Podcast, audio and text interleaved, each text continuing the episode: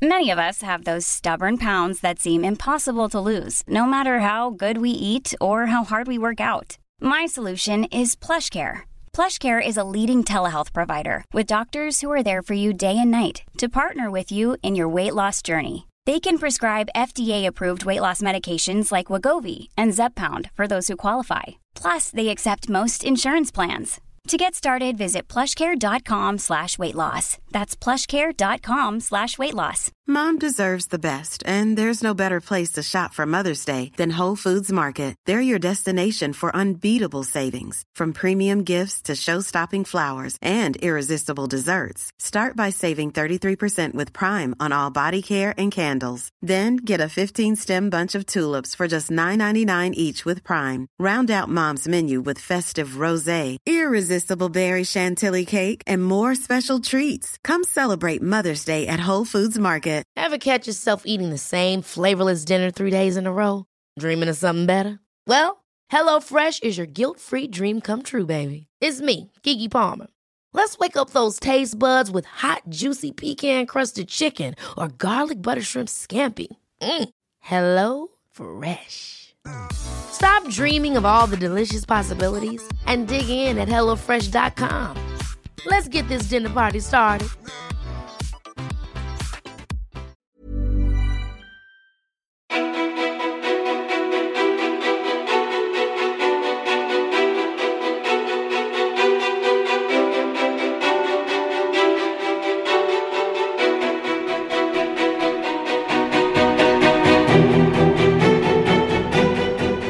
Och välkomna till podcasten Ofiltrerat med mig Sofia, Peter Ståhl och idag så har jag den stora äran att ha Alexandra Järgren här för andra gången. Du gästade för ett par år sedan och då Ja. pratade vi väldigt mycket om separation, nytt liv, att börja om och massa sådana saker. Och nu är det här igen!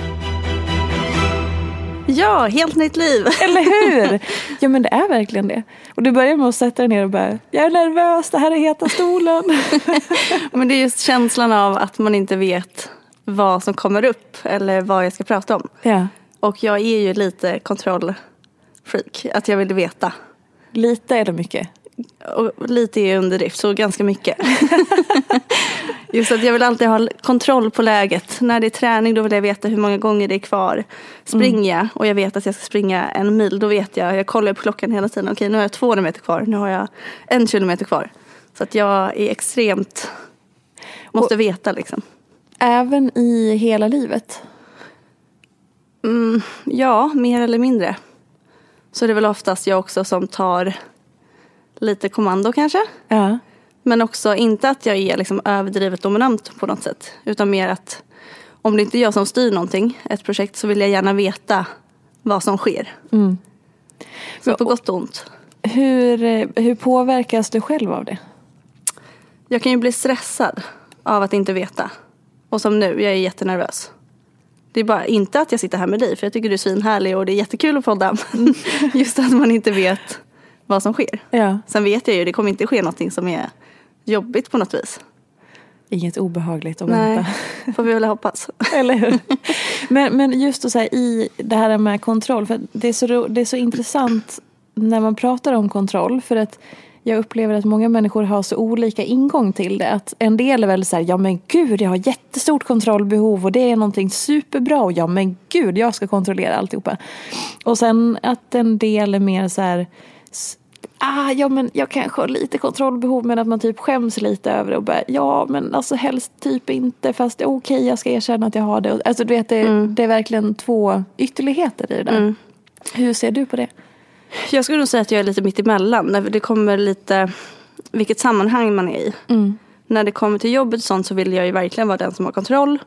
Eh, men det är inte så konstigt med tanke på vad jag gör. Ja. Så vill jag också veta vad som sker i företaget och vad som händer, hur mina kunder jobbar etc. Men när det kommer till relationer så kan jag vara nog den som är det är okej. Tar du ansvaret men jag vill gärna veta. Ja. Lite så. Att då kanske jag blir den som inte vill erkänna att jag vill ha kontroll. Intressant. Så att eh, två olika personer i den skulle jag säga. Vad, vad betyder kontroll för dig? Att man har koll på läget. Ja. en... Eh, alltså, och det är ändå, någonting positivt. Ja men det skulle jag säga. Ja. Eh, för det finns ju självklart att man lider av ett kontrollsbehov som blir negativt. Men det ser jag mer som, eh, alltså då är det ju att du är osäker. Att du behöver veta exakt vad som sker. Eh, om man kollar på till exempel relationer. Om du och jag är i ett förhållande och jag lider av kontrollbehov då är jag ju osäker på oss eller mig själv. Så då lider jag ju av en svartsjuka skulle jag säga. Så det är ett annat kontrollsbehov. Så att jag skulle inte säga att det är väl negativt. Men själva kontrollbehov av att veta att man har koll på läget. Man missar inte saker, man vet att man gör saker i tid. Man sköter sitt jobb. det är att ha koll på läget. Just det. Gud vad intressant. Jag tänker så här, vissa, vissa grejer har, är så självklara för en själv. Eller egentligen allting är ju självklart i, i ens egen bubbla. Och sen så när man börjar så här, grotta ner sig lite i det så kan olika saker betyda så extremt olika, sa- alltså olika för olika människor. Det är väldigt, väldigt spännande. Är det någon gång som du upplever att det blir negativt? Nej, inte vad jag känner. Sen så kanske mina vänner säger något annat.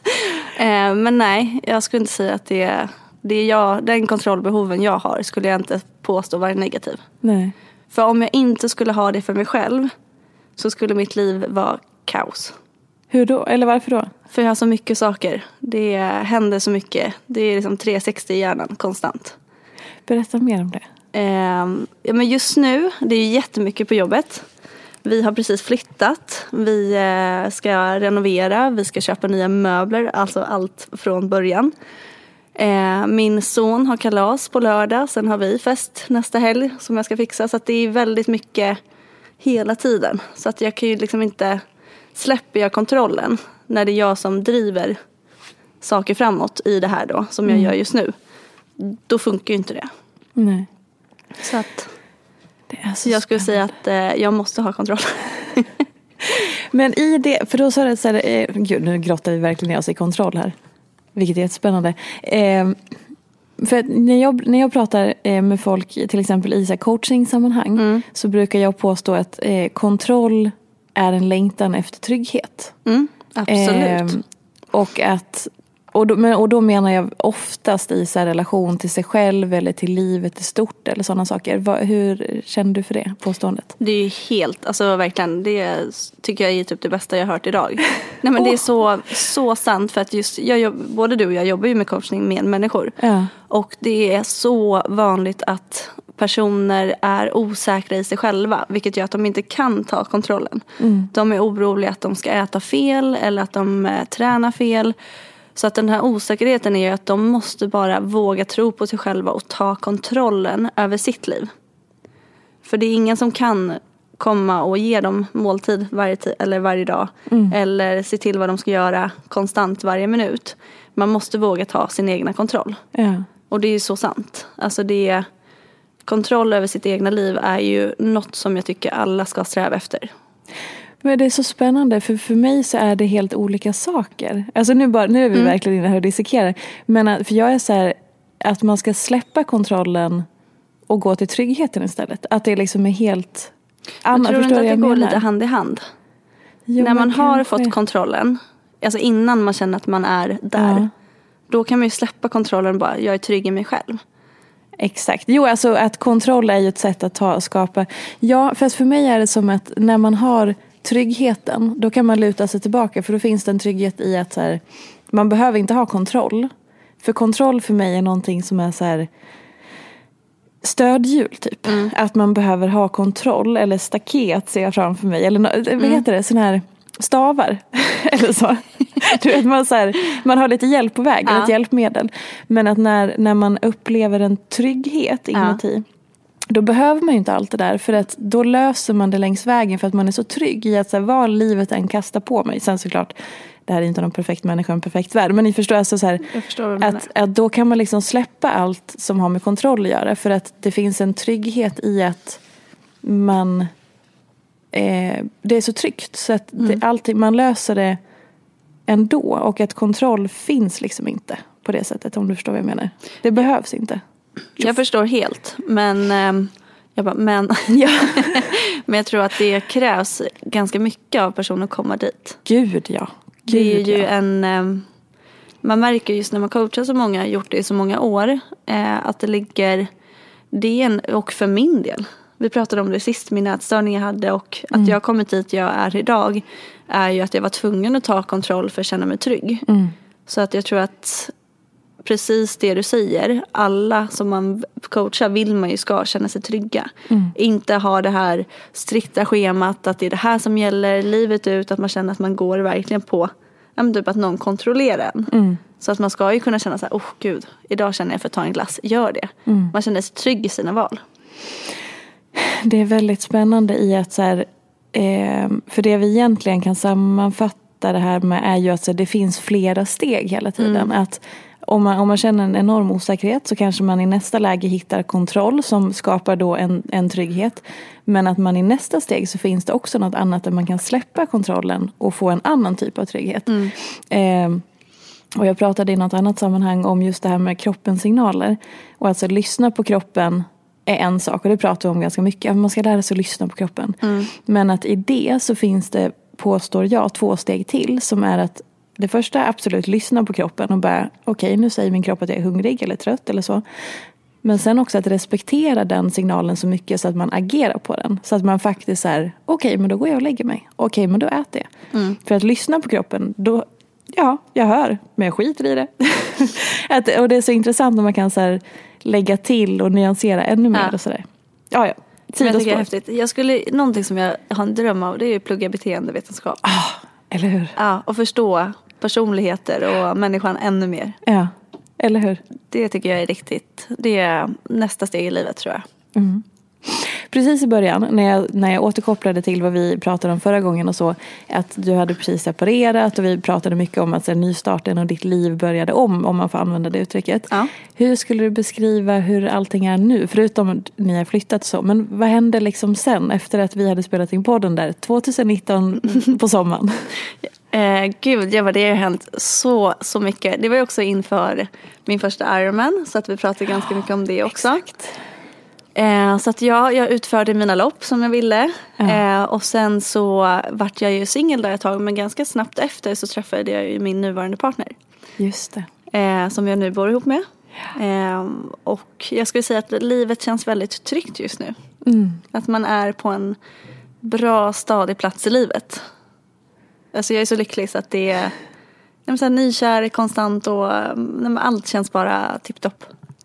Gud vad härligt. Ja, så jätte, jättehärligt. Och jag vet att du sa att ni träffades på Tinder. Ja. Det pratade vi om när vi sågs, eh, om det var förra veckan. Hur eh, var din upplevelse av Tinder? Ehm, Tinder var ju inte riktigt min grej skulle jag säga. Ehm, men däremot så var det ju lite spännande att ladda ner Tinder med tanke på att eh, barnens pappa och jag träffades ju precis när det blev lite av en hype Just det. med Tinder. Eller det vart ju Happy Pancake tror jag var Ja. det som kom först.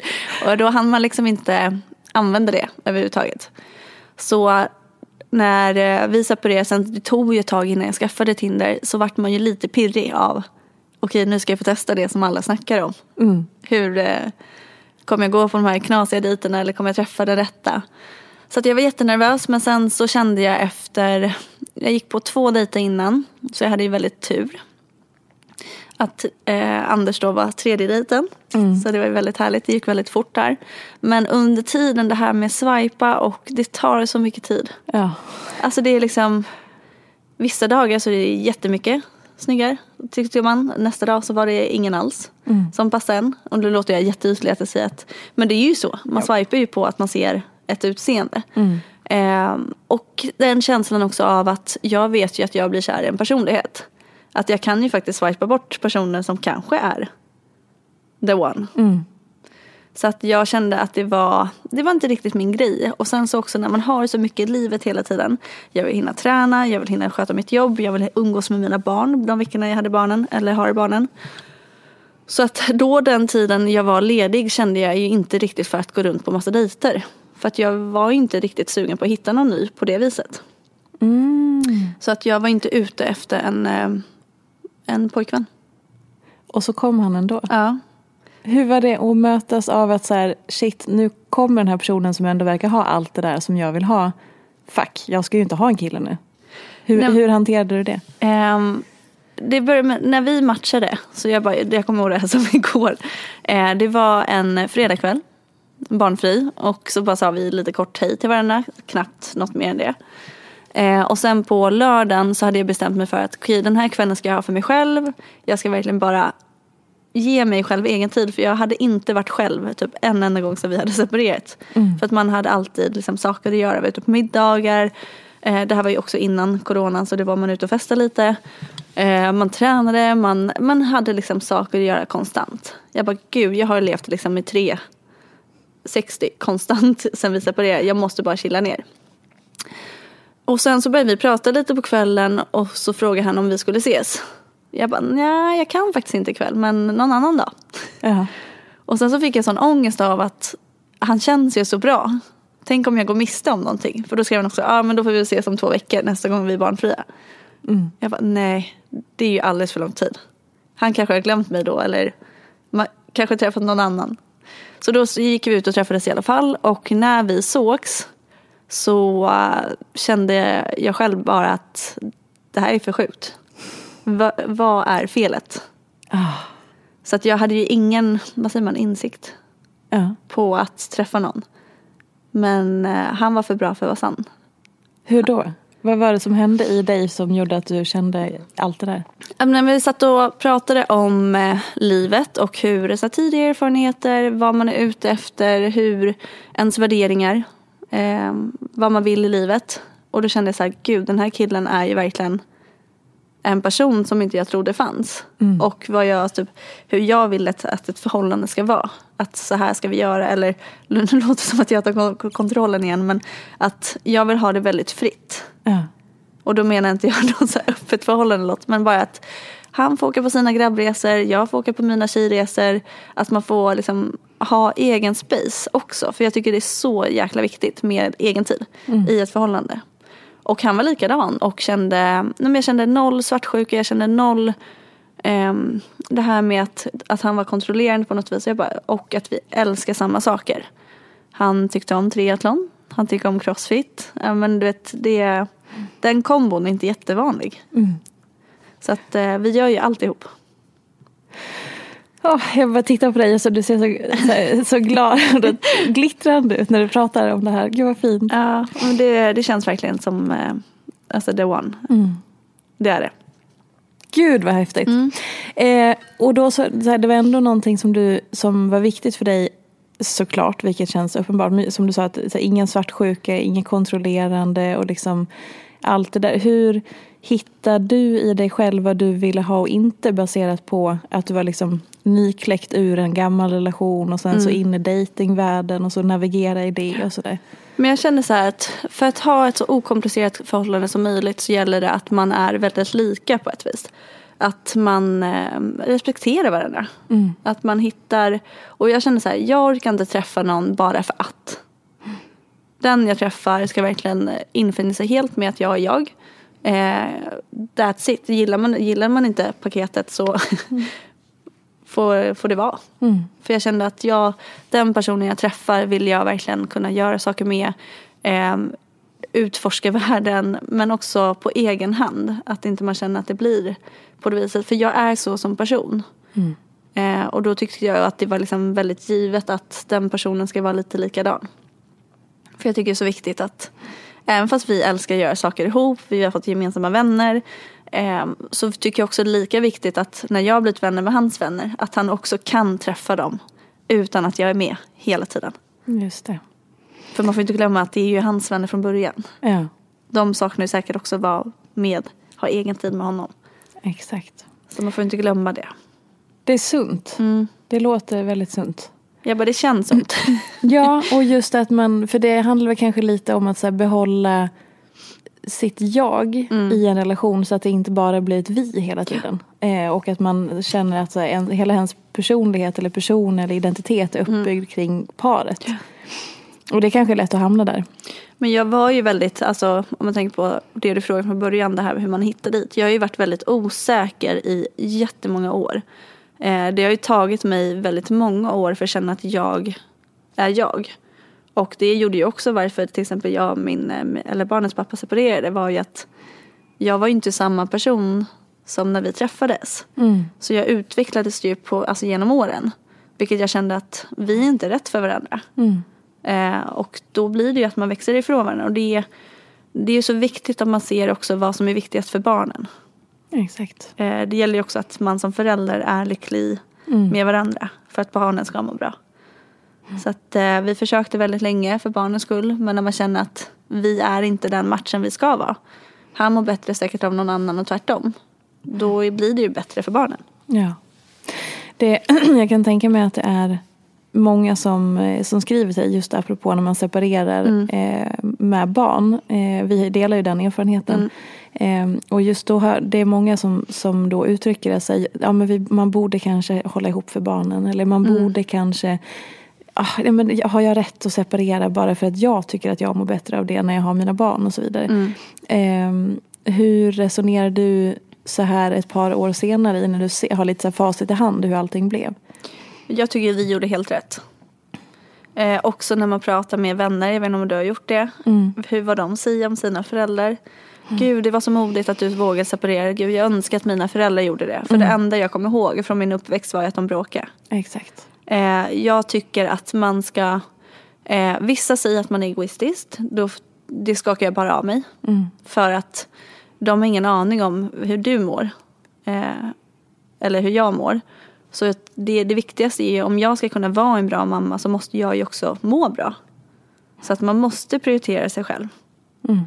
Det, är- det är ju vanligare idag med separation. Det är ju för att alltså, folk vågar. Och att kvinnan har råd. För, om man kollar bara på några år tillbaka så hade ju inte kvinnan råd. Nej. Vilket gjorde att man stannade kvar. Exakt. Många som fortfarande inte ens, att det inte ens är ett alternativ. Nej men exakt, för det kostar. Det kostar. Eh, det, är, det är liksom inte... Och att man får börja om lite från noll.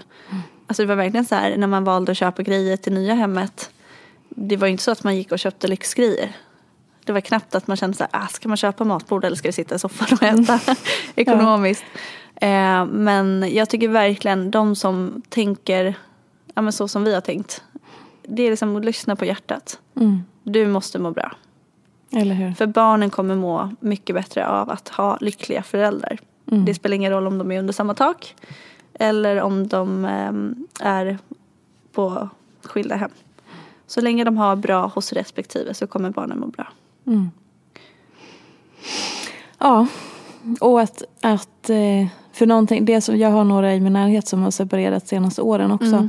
Och, och det som jag har försökt liksom, på något vis förmedla till dem är ju också att så här, det som, som, som händer och sker just när man är i separationen, eh, alltså med kanske eh, sitt, då, den som blir ens ex eller hur man själv mår eller hur man kommunicerar med sitt ex. Allt det där är här och nu. Men det där kaoset är ju inte för evigt.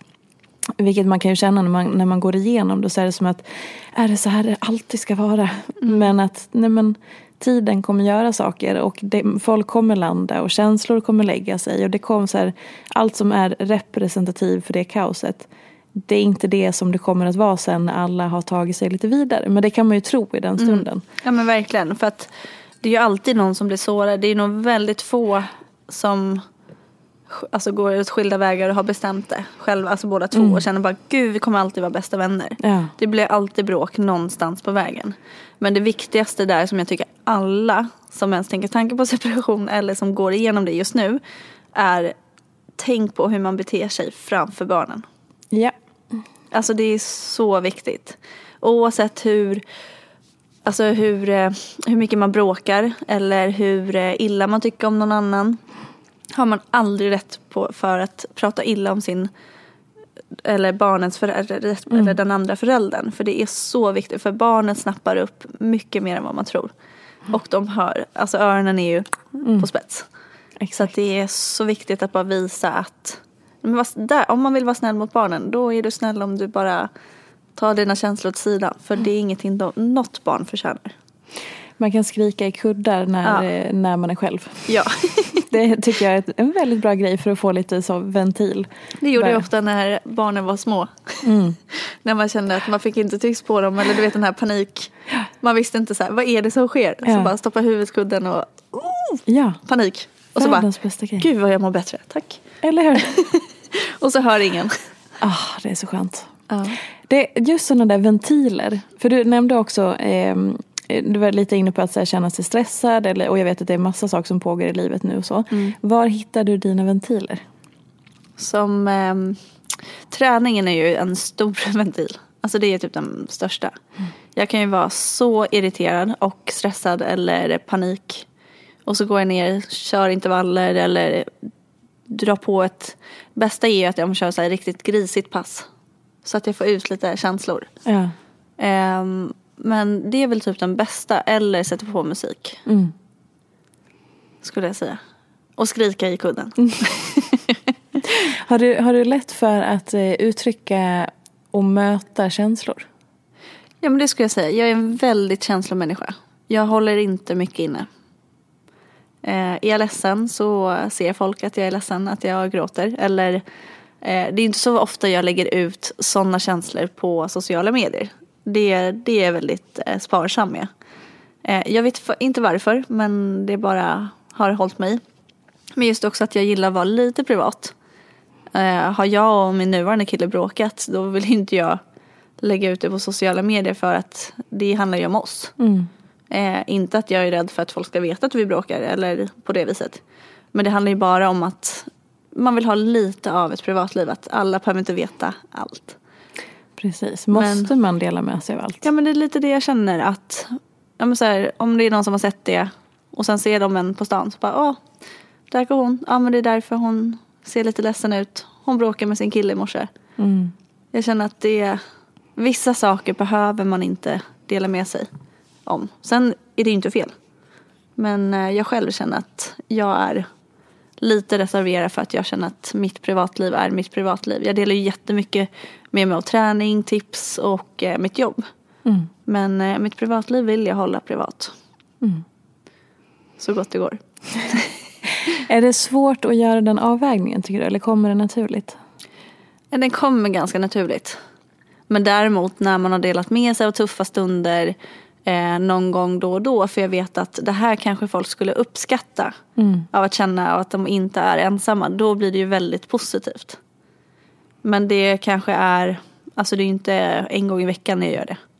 Det är ju när jag känner att okej nu det här är jag definitivt inte ensam om. Och lite för sig själv. För när man gör det så får man ju lite sympati. Ja. Då mår man ju genast mycket bättre av att känna Gud vad skönt, nu hjälpte jag faktiskt andra och andra hjälper mig. Hur länge tror du att du kommer jobba på det sättet som du gör nu med träning, sociala medier och driva dina företag och allt det här? Gud, det är så svårt. Jag känner ju att jag kommer göra det hela livet. Ja. För alltså varje dag känns ju aldrig som ett jobb. Jag vaknar upp och känner, ja men nu ska jag gå och ha kul. Så så länge jag har den känslan så känns det ju som att det här är det jag är, är man till att göra. Det här är det jag vill göra resten av livet.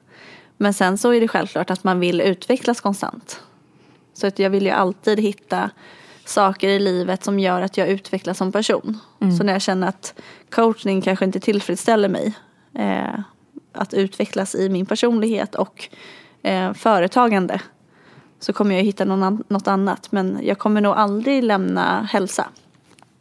Om du var tvungen att göra det, vad skulle du då vilja gå in i istället? Om du inte fick jobba med människor? På något Inte sätt. människor överhuvudtaget. Inga människor. Åh gud vad svårt. Ja.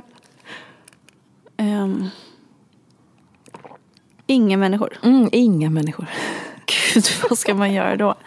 Eh, jag bara stackars mina kollegor, jag ju prata sönder dem. eh, nej men gud. Inga människor till Men Alexandra. typ så här, trädgårdsarbetare. Ja. Räknas det som inga människor? Det beror ju på om du vill ha en butik. Eller en trädgård där du träffar människor. För om jag har en butik då möter jag ju folk. Mm. Och då blir jag ju lite av en säljare så det får jag inte vara. Nej, och då är det ju socialt och liksom Mm. Nej men då skulle jag säga trädgårdsmästare typ. Som är ensam ute Ja. i en stor handels... Inte en handelsregion. Jo, du kan ju Nej, vara men den typ som att- inte har kundkontakt. Ja, att någon anlitar för att jag ska ko- komma ut och klippa häcken. Ja. Ja men det kan jag bara tänka mig så lite fint.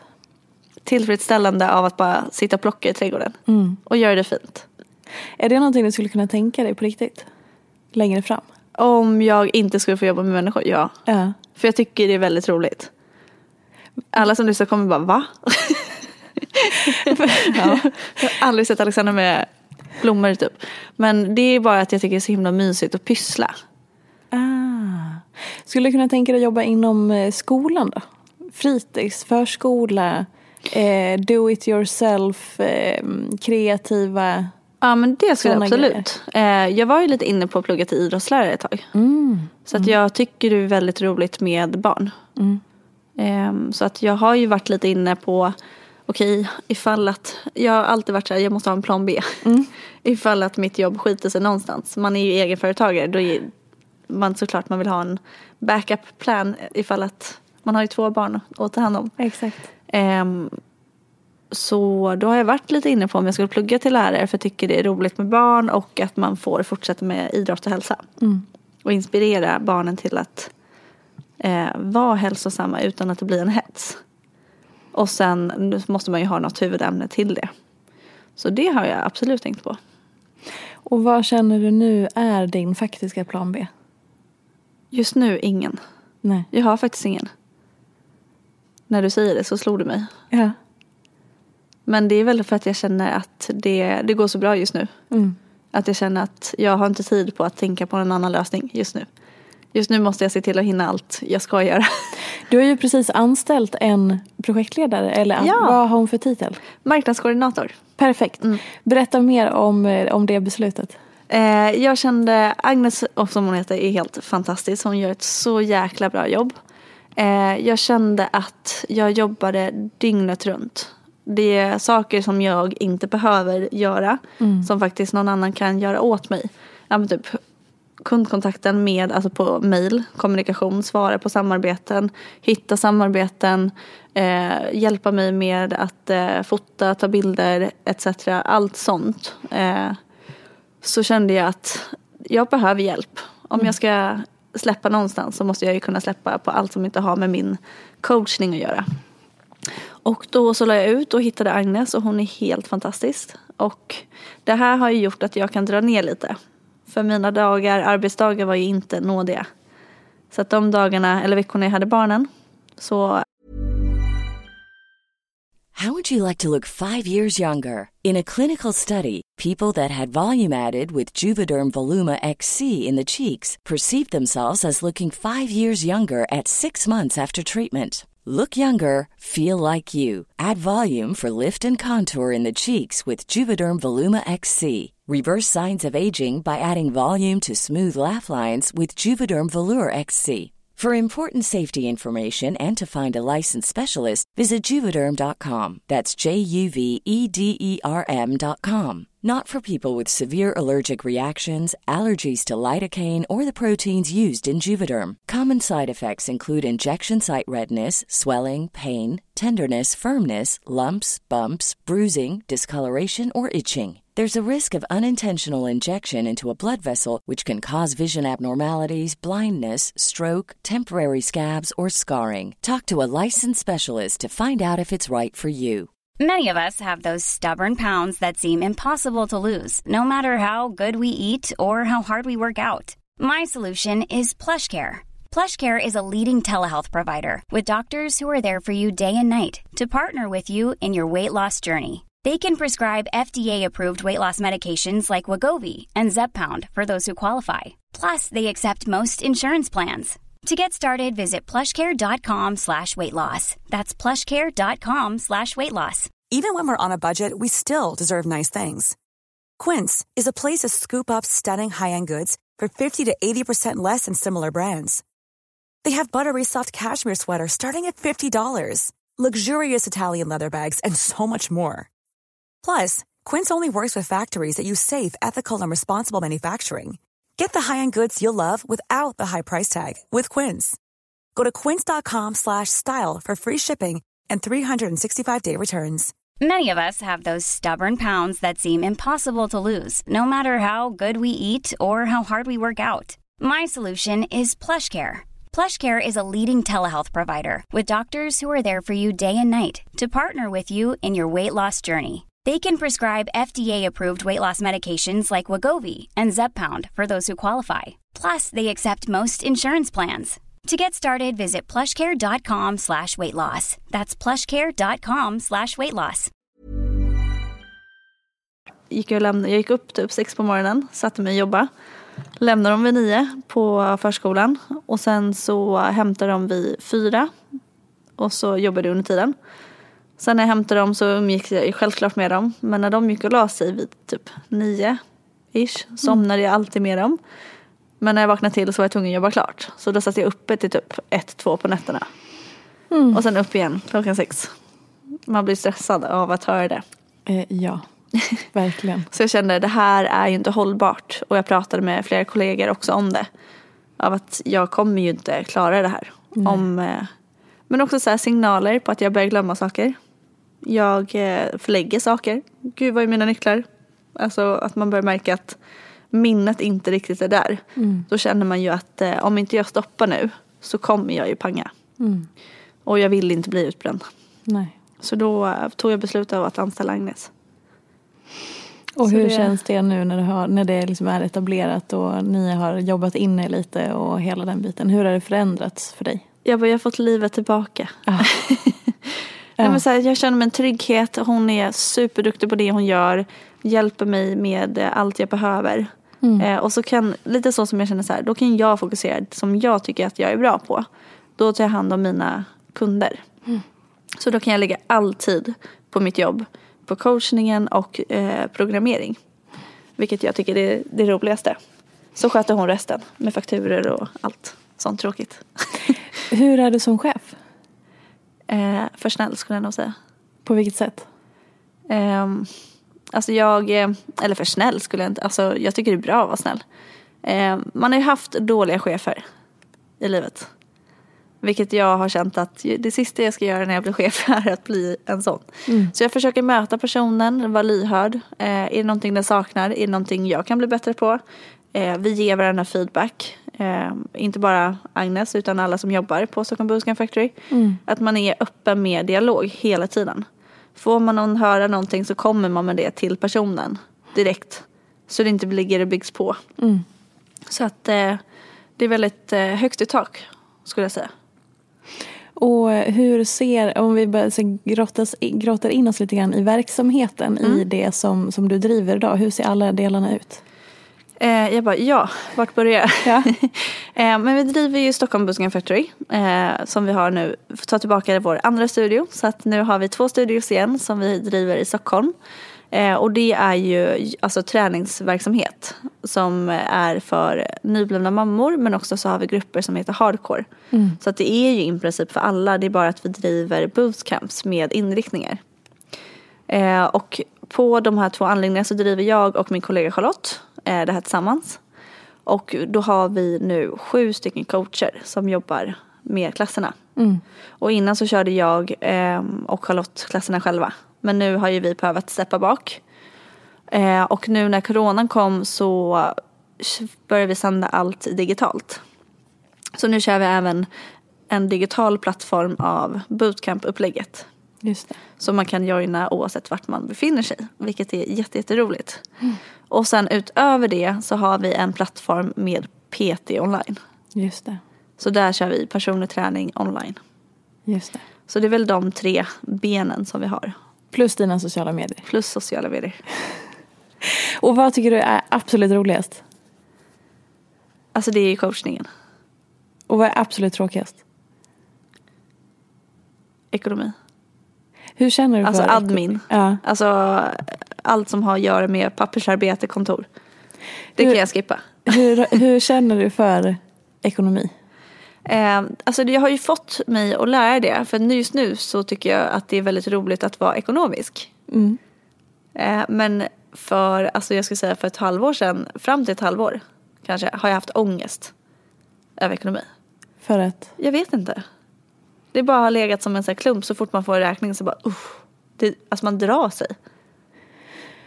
Har- det att göra, alltså den privata ekonomin eller företagets? Alltså både och. Det är ju inte så att jag har eh, råkat dit för någonting eller har betalningsanmärkning eller någonting. Men jag vet inte vad det är. Det har bara varit liksom att det är en utgift. Mm. Som är tråkig. Alltså det, är- det är aldrig kul att sitta och betala. Ha, här rök Nope. 20 000 till räkningar. Japp. Så oerhört tråkigt. Så det, det är väl mer att det är väldigt tråkigt och att man bara känner så här, "Åh." Men just nu så ser jag ju det väldigt roligt med ekonomin. Är det kopplat då- till att du känner att ekonomin har fått sig lyft? Ja men det är att det, blir en annan Absolut, trygghet? såklart. Och innan så var det en otrygghet kanske för pandemi och så vidare. Eh, det var ju absolut en, när ehm, allt hände och allt blev, alla gym stängdes ner. Jag kände ju, jag fick ju panikångestattack för jag kände nu går jag i konkurs. Eh, ha två lokaler i Stockholm, inte jätteroligt att inte få in någon ekonomi på det. Och när man pratade med hyresvärdarna så självklart så ville de hjälpa till så gott det gick men det var ju sänkt hyra i två månader. Sen var det tillbaka back on track. Så att, eh, att vi började det digitala efter typ en månad så kände vi att det här kommer vi greja. För vi fick så mycket medlemmar på den digitala plattformen. Så där vart jag inte så himla orolig. Men självklart har det ju blivit ett lyft. Det är ju alltid roligare att känna att, man, att det går bra, såklart. Men eh, det ligger ju alltid en, någon typ av stress av att vad händer om det inte fortsätter så här? Så att man har inte, det är ju inte alltid en trygghet. Men, men nu blir det mer att man gillar att se liksom, okej vad kan man hitta för lösningar? Men kan vi hitta billigare alternativ? Kan man dra ner någonstans? Kan man höja någonstans? Ehm, man har fått liksom ett större förståelse av allt. Nu vill man liksom skapa ännu bättre förutsättningar. Om eh, man tänker att man ska gästa eh, podcasten Ofiltrerat. Ja. Vad skulle du se framför dig att du skulle vilja prata om? Om du hade fått välja utifrån det temat som podden har. Men allt, livet. Ja. Alltså det kan ju vara allt ifrån eh, super eh, smarriga detaljer. Som vadå? som, nej, du har ingen aning, det är du som kommer med frågorna. Men att det blir liksom eh, saker som man kanske inte har förväntat sig.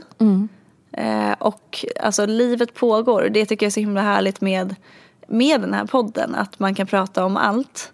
Men också att man får ett inblick av inte bara nu ska vi prata om träning och hälsa. Utan också så här, nu pratar man om, om ditt liv. Alltså vad händer i ditt liv? Hur, hur går det med allting? Och att man får kanske vissa saker som man kanske inte ens hade tänkt att prata om. Är det någonting som du hade tänkt på inför dagens samtal? För du, vi smsade igår och bara, jag är så taggad, jag tänker det här och här. Är det någonting som du hade tänkt att hmm, det här skulle kanske kunna komma upp eller det här hade varit roligt att prata om? Eh, nej, men jag visste ju att vi, eller visste, jag kände på mig att eh, prata lite om det nya livet. Ja. Det kändes så här, det kommer absolut vara just att vi, eh, det, det var ju här jag droppade för första gången att jag hade separerat. Just det, du hade, du hade varit ganska diffus med det innan. Jag hade alltså. inte sagt det till någon. Nej. Och sen så nämnde jag det till dig. Ja. Eh, och då kom jag ihåg att du bara stopp, stopp, va? Har du separerat? Det har inte jag koll på. Och det var ju i podden. Just det.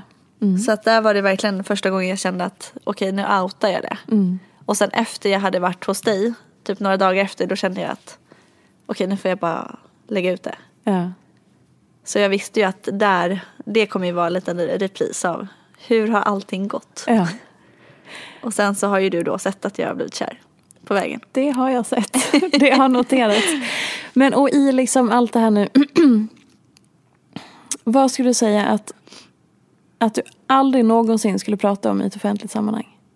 Ehm, mina absoluta privataste, alltså privataste privatlivet. Och vad är det till exempel om du inte pratar om det men bara liksom vad, vad är det? Men du skulle säga eh, relationer. Tidigare relationer. Eh, relationer om, eh, om folk som inte ens vill bli nämnda. Att jag skulle aldrig utsätta någon för det. Eh, eller så skulle jag aldrig prata om eh, Jag är ju inte så himla blyg på det sättet. Men det är väl att ha respekt för andra. Så det andra relationer skulle jag nog inte prata om. Mm. Om inte jag vet att det är okej för den personen. Så, så till exempel ehm, ja, men så här, barnen, barn och sociala medier Ja. har ju varit en, en, är ju ständigt en aktuell fråga. Hur resonerar du i den? Jag har ju alltid varit öppen med det. Alltså känt så här, men jag ser inte mig som så stor att folk ser mina barn på det viset. Att när de går på stan så kanske de känner igen. Men eh, jag och barnens pappa kom överens om att inte. Så att jag har ju börjat sudda barnens, eller lagt för någonting för ansiktet. Eh, och jag har ju liksom helt, man har ju en förståelse. Vill de inte vara med eller de ska ju, de ska ju faktiskt ha en åsikt. Säger de att de själva tycker det är kul att få vara med där. Men de är så små för att ens förstå hur många som ser dem. Så att, eh, och det var någon gång i somras när barnens pappa hade varit och badat så hade det varit någon som kom fram och frågade. Men åh, är det här Alexander Jägergrens barn? Och då kände han, nej men jag vill inte att mina barn syns, alltså blir igenkända på stan på det viset. Nej, Eh, och jag har full respekt för det. verkligen. Medan jag själv känner att men det gör väl inget. Så man är alltid två Ja. i en åsikt när det kommer till barn. Var det svårt att fatta det beslutet och sätta din egen liksom, vil, åsikt eller vilja åt sidan? Nej, det var inte alls svårt. Eh, just att var, han har ju inte sociala medier överhuvudtaget och tycker inte om det. Eh, och att han, nej men det är också så här, vi har dem på deltid. För mig är det ju inte livsviktigt att visa mina barns ansikten. Så nu har jag ju liksom nära vänner som jag kan lägga ut och då är det liksom mina närmaste som är klicken. Som ser mer det privata. Så att jag tyckte inte alls det var svårt. Nej. Så jag sa bara okej absolut. Kör på det. Och nu med tanke på hur livet ser ut just precis nu. Var befinner du dig någonstans 17 december? 17 december är jag uppe i fjällen. Och eh, Tror jag, eller jag hoppas. Eller Mars. kanske inte, det är precis. mars 2023. Jag fick tänka på vilket år vi är i. Jag bara, är vi 22 nu eller är vi 23? Nej, 20, 21. Vi är 2021. Ja. ja. Eh, mars 2023. ja. Då skulle jag säga att jag är ännu mer lugn än vad vi är idag. På vilket sätt? Nej men då har vi fått ordning i lägenheten, vi har liksom allt. Då hoppas jag verkligen att renoveringen är klar. Ja. Ehm, nej men då har vi bott in oss och då har alla, eh, Anders har också en dotter, så att då har ju liksom alla kommit in och vant sig med familjelivet som vi skapar.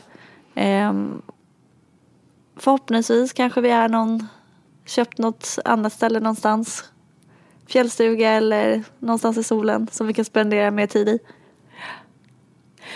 Om, eh, utan att gå in på några detaljer eller sådär, men om det är andra, apropå just separation och just att, att eh, liksom sammanföra olika familjer när man träffar en ny partner. Har du något tips eller någon, eh, någonting som du kan säga till någon som befinner sig i den situationen, att familjer ska sammanföras?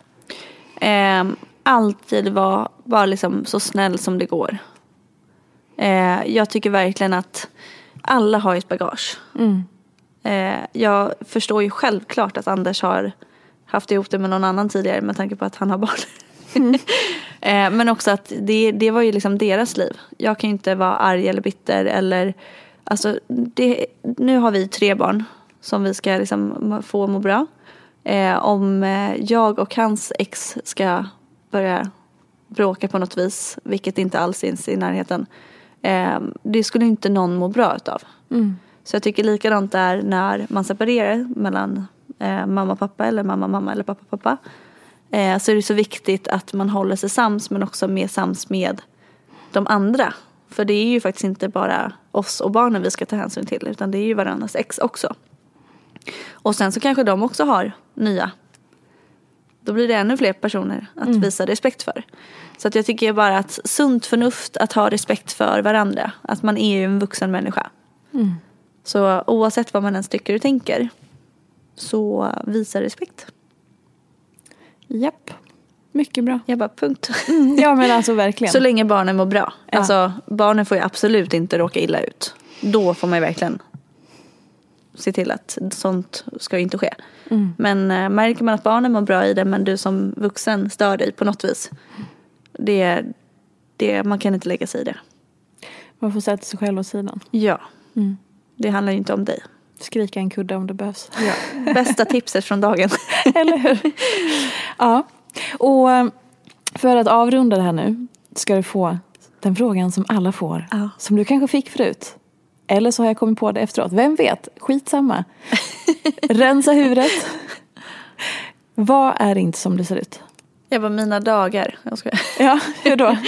Eh, nej men det är väldigt många som tycker att det ser så, ser så himla glatt ut hela tiden. Ja. Och så är det ju inte. Alltså jag har ju mina pissdagar också. Eh, det är ju, jag tror att jag kan prata inför alla våra branschkollegor som är, jobbar med sociala medier. Alla är inte superduktiga på att lägga ut när det är pissigt. Ehm, så att ta med i det, allt, alltså det är inte alltid. Och det är inte alltid man hinner fånga upp det heller. När jag mår dåligt eller när jag är stressad. Jag la ut i morse att jag var bitter på trafiken. Så var det några som kommenterade, det var inte vanligt att se dig sur. Eh, Men det är inte alltid man känner att man har, är på språng. Men det skulle jag nog säga är det vanligaste var att jag har väldigt stressigt liv. Att jag inte alltid är på en, vad säger man, ett liv på dans på rosor. Skulle jag inte säga. Känner du att, att det bl- finns någon press på dig där att liksom behålla den linjen i att ha någon slags glad ton mot att kanske börja släppa fram det andra också? Eller känner du att du behöver leverera det glada och positiva? Jag skulle nog inte säga att det är en press för mig. Att jag känner att jag måste leverera glatt hela tiden. Det är nog att jag har valt att fil- filtrera bort det som är negativt. Men som vi pratade om tidigare, jag vet ju att folk mår faktiskt bra av att se. Det var faktiskt lite roligt, i somras körde jag två lopp som jag var tvungen att avbryta. Det var typ det mest likades så- under hela året. Ja. Nej men folk var så här, gud vad skönt att se att det även kan gå dåligt för dig. Ja. Alltså de verkligen tyckte det var så skönt att se. Eh, vilket jag kan förstå om man bara lägger ut Yay, nu gjorde jag det här. Yay, jag klarar milen på den här tiden. Yay, jag gjorde det här. Ehm, så det är också viktigt för mig att ta med mig efter idag. Att kanske visa lite mer när det är downs. Intressant. Kolla. Ja. Fint. Jätte, jättefint. Och då om man är mer nyfiken på dig så kan man ju följa dig och komma och träna på Stockholm Ja. Bootcamp Factory. Berätta lite mer var man kan hitta dig. Jag bara, det är ju sociala medier och ehm, på The Place Exakt. eh, i våra studios. Ja. Kommer inte berätta min hemadress. Nej. nej, nej, nej. Stockholm Bootcamp Factory och Alexandra Järgren. Ja, jag Ja. har ingen YouTube-kanal eller någonting Nej. än. Kanske kommer någon gång. Eventuellt ska hon klämma in det i det redan stressiga livet, eller inte. Jag har ju försökt men det gick inget bra. Nej, Nej. man behöver inte Man måste, allt. man måste hitta saker att prata om. Exakt. Så jag känner sociala medier räcker. Och gästa Bra. din podd då och då. Ja, jättebra. Tusen tack för att ni har lyssnat och tack för att du kom tillbaka. Tack snälla, det var Vi- superroligt. Vi ses väl om två år igen? Jajamän, kör som så här två års. Eller hur? Ja. Puss och kram. Vi ses ju på stan nu. Ja. För nu börjar det bli ett annat liv. Åh, så, gud, jag, gud jag fick gåshud. Underbart. Ja. Hej då, ses Hej då. nästa vecka. Hej då. Följ mig gärna i sociala medier. Jag finns på Instagram som peterfia och bloggar på peterfia.se. Jag blir så glad om du vill recensera den här podden, prenumerera och lämna gärna önskemål på gäster. Vi ses i sociala medier. Ha det gott så länge. Hej då! En podd från Allermedia.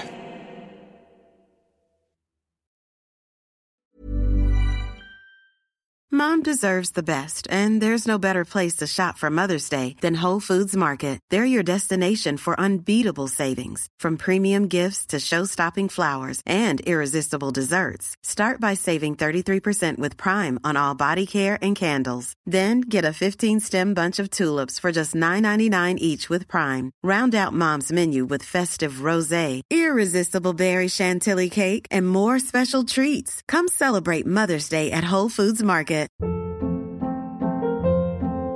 Hold up. What was that? Boring. No flavor. That was as bad as those leftovers you ate all week. Kiki Palmer here, and it's time to say hello to something fresh and guilt-free. Hello Fresh. Jazz up dinner with pecan-crusted chicken or garlic butter shrimp scampi. Now that's music to my mouth. Hello Fresh. Let's get this dinner party started. Discover all the delicious possibilities at hellofresh.com.